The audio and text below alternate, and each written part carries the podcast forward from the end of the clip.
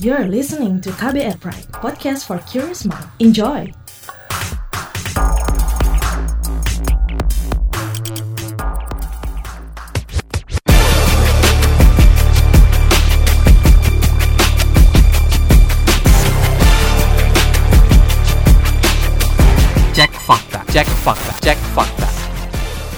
Beredar foto Presiden Joko Widodo dengan narasi bahwa pakaian yang dipakai presiden tersebut terlihat seperti pakaian Haisar Cina. Selain itu juga beredar narasi yang mengklaim bahwa angka 75 besar dan angka 0 kecil pada uang rupiah khusus pecahan Rp75.000 adalah isyarat atau sandi rahasia yang berarti 75% aset negara sudah dikuasai asing atau aseng.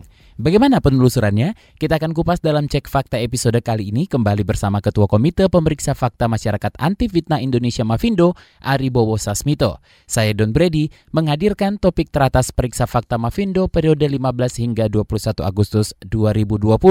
Hasil periksa fakta dengan tingkat engagement paling tinggi dalam forum anti fitnah hasut dan hoax atau FAFHH serta Instagram. Podcast ini bisa Anda simak di kbrprime.id setiap Senin dan di aplikasi podcast lainnya. Five, four, three, two, one,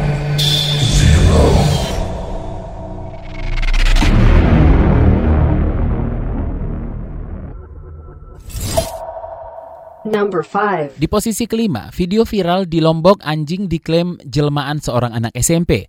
Beredar di media sosial video seekor anjing yang terbaring dan diklaim jelmaan anak SMP. Bagaimana penelusurannya? Konfirmasi dari mana? Kenapa bisa viral nih Mas Ari? Dan apa banyak yang percaya?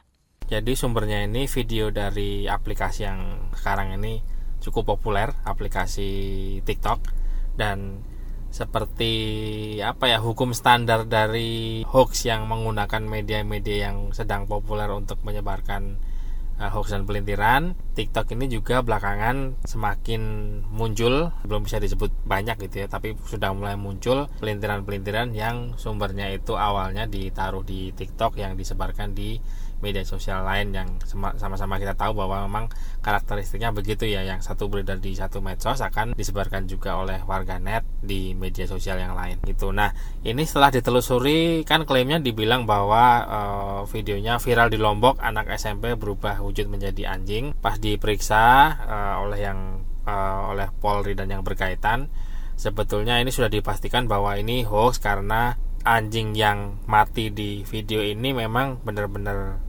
hewan bukan jelmaan manusia atau jelmaan anak SMP dan si pembuat videonya ini motivasinya adalah untuk mencari sensasi biar viral gitu. Yang mungkin suka ada yang bertanya-tanya kok yang uh, hoax pelintiran yang kacangan begini kok ya masih dicari digarap periksa faktanya. Jadi bukan soal apakah itu kelihatan lucu tidak mungkin atau apa tapi yang namanya periksa fakta itu kan ya ngasih fakta bahwa ini pelintirannya, ini faktanya e, tanpa melihat bahwa apakah ini ada orang yang masih tetap percaya atau enggak atau e, apa pun motivasinya gitu. Jadi mau di kadang-kadang kan ada yang komen e, ini satir, ini sarkas, ini parodi. Jadi itu masuk ke ranah niat. Jadi periksa fakta itu bukan periksa periksa niat. Jadi e, sekedar memberikan fakta bahwa ini pelintiran, ini faktanya gitu dan ini juga mengingatkan ke yang beberapa tahun lalu sempat beredar yang kena juga bukan cuma Indonesia. Waktu itu ada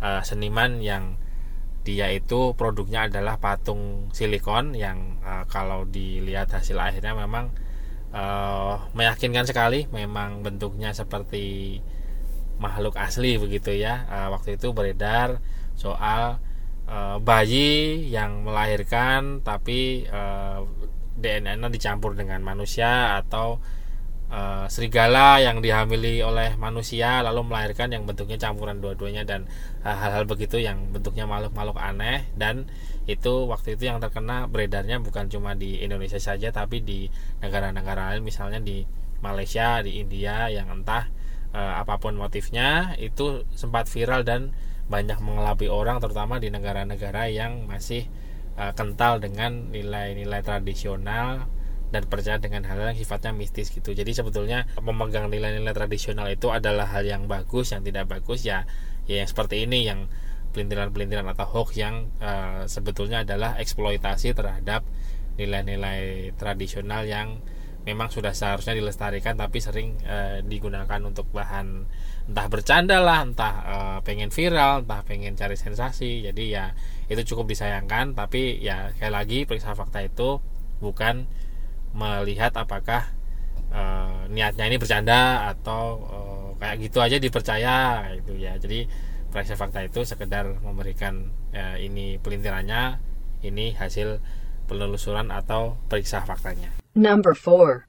Di posisi keempat, narasi uang Rp75.000 dengan angka nol kecil artinya 75% sudah dikuasai asing. Sebuah akun Facebook mengunggah foto uang baru pecahan Rp75.000 disertai narasi yang mengklaim bahwa angka 75 besar dan angka nol kecil pada uang rupiah khusus pecahan Rp75.000 adalah isyarat atau sandi rahasia yang berarti 75% aset negara sudah dikuasai asing atau asing. Seperti apa penelusurannya? Kita udah sama-sama tahu bahwa hoax pelintiran itu kan biasanya mengambil tema-tema yang sedang happening, sedang uh, berlangsung, sedang dibicarakan masyarakat. Nah, semingguan ini hoax itu ada juga yang selain berkaitan dengan COVID-19 itu berkaitan dengan kemerdekaan tanggal 17 Agustus uh, Hari Kemerdekaan Indonesia. Nah, di dalam rangka memperingati Hari Kemerdekaan Indonesia ini, Bank Indonesia merilis uang dengan nominal baru Rp75.000. Nah, lalu disebar-sebarkan bahwa karena 75.000 itu angka nolnya kecil, disebut bahwa 75% sudah mereka kuasai. Sudah mereka kuasai itu premis pelintirannya adalah mengacu ke yang berkaitan dengan uh, Tiongkok atau Cina karena di situ dilihatkan bahwa uh, ada seperti seperti gambar album atau mungkin kolase tapi kayaknya album sih ini ada album di mana ditandai tertentu lalu di, di, disatukan dengan foto dari biksu Tom Sang Tom Sang Chom yang belum beberapa tahun lalu sempat populer di serial Kerasakti itu. Jadi e, dihubung-hubungkan bahwa 75 sengaja dibuat besar karena 75% Tiongkok sudah menguasai Indonesia padahal 75 kenapa 75 itu angkanya gede dan nolnya kecil? Itu maksudnya adalah untuk mempertegas bahwa ini berkaitan dengan kemerdekaan Indonesia yang ke 75 tahun. Nggak ada hubungannya dengan 75% dikuasai oleh Tiongkok atau siapa pun gitu. Nah dan maksudnya adalah bertujuan untuk mempertegas bahwa uh, uang ini seri uang baru ini 75.000 itu dikeluarkan dalam rangka kemerdekaan Indonesia yang ke-75. Number 3. Di posisi ketiga, narasi ada budaya syahri di mata uang edisi khusus kemerdekaan Indonesia.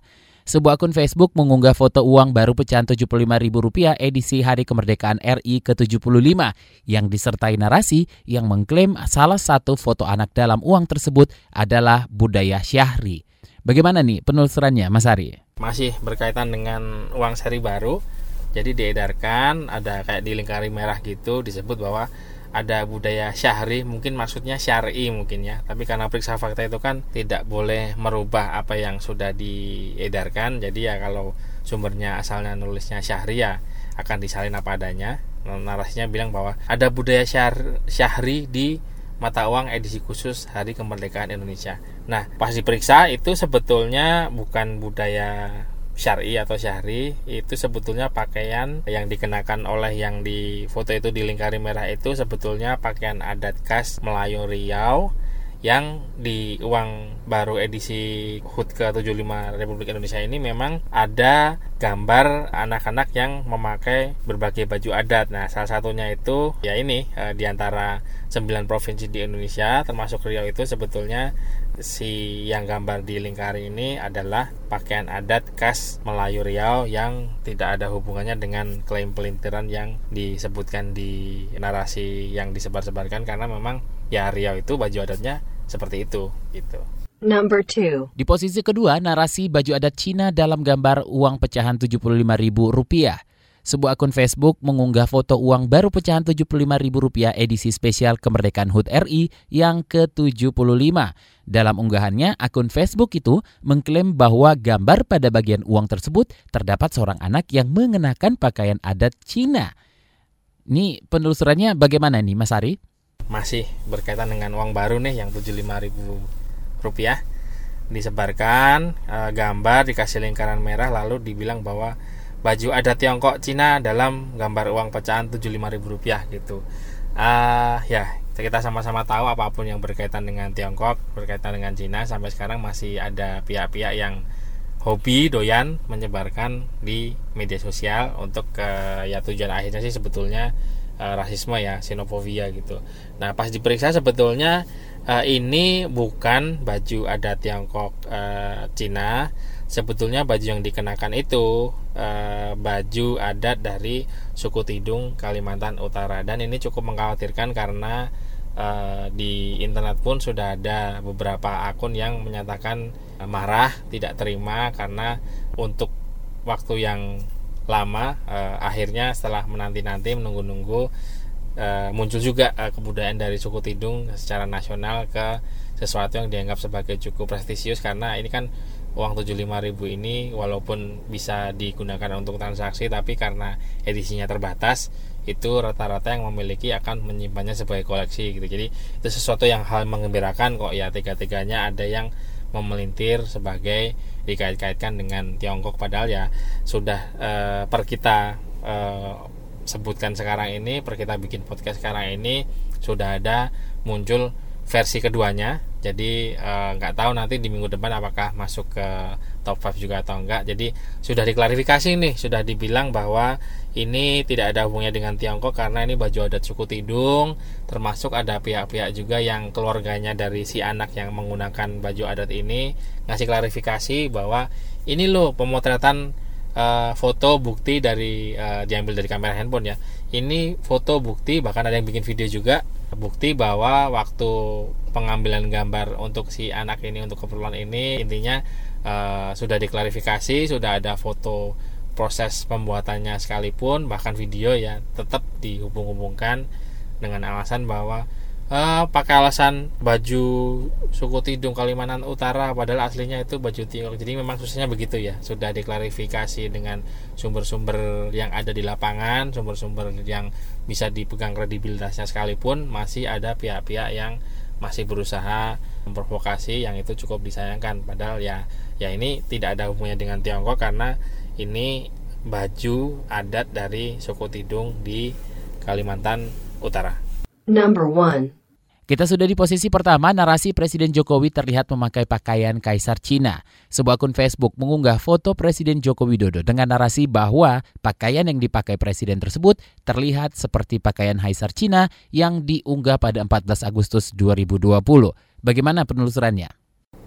Peringkat satu, sekali lagi masih berkaitan dengan uh, Tiongkok, dengan Cina.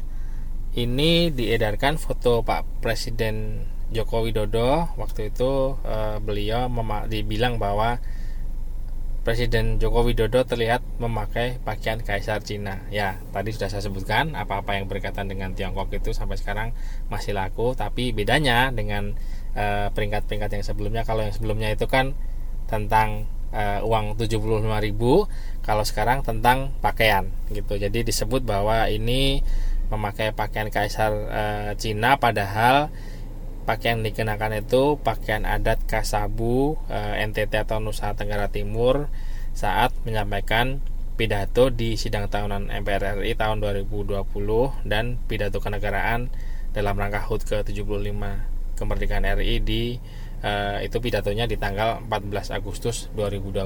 Jadi ini memang di di acara-acara tertentu Pak Jokowi itu bergantian e, mengenakan baju uh, ini baju dari dari daerah istilahnya keliling lah ya. Mungkin di acara yang sebelumnya pakai baju dari adat mana terus uh, sebelumnya juga uh, pakai adat mana. Nah sekarang ini giliran mengenakan uh, pakaian adat dari uh, pakaian adat Kasabu dari NTT atau Nusa Tenggara Timur gitu. Nah Kenapa sih kayak begini masih diedar-edarkan juga? Yang cukup mengkhawatirkan adalah sebetulnya dikhawatirkan ini akan memicu konflik sara ya.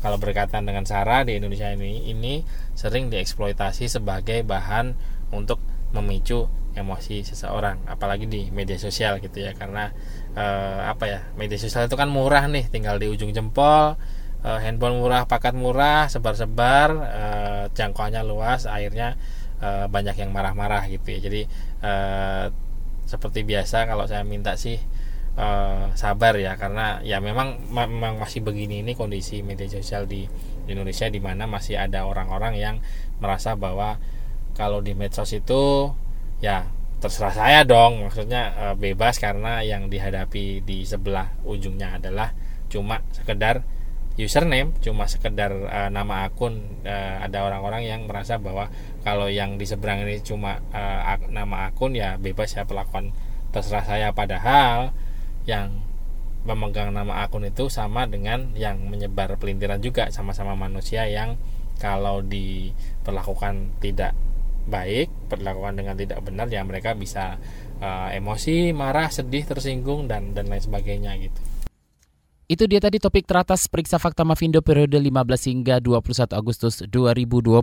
Hasil periksa fakta dengan tingkat engagement paling tinggi dalam forum anti fitnah hasut dan hoax atau FAFAH serta Instagram. Sekali lagi podcast ini bisa Anda simak di kbrprime.id setiap Senin dan di aplikasi podcast lainnya. Mas Ari? Selalu saya ingatkan untuk jaga emosi, tahan jari, verifikasi sebelum dibagi. Saya Aribo Sasmito, terima kasih. Assalamualaikum warahmatullahi wabarakatuh. Terima kasih telah menyimak podcast Cek Fakta ini. Kami menantikan masukan Anda lewat podcast at kbrprime.id. Sampai jumpa di episode berikutnya. Cek fakta, cek fakta.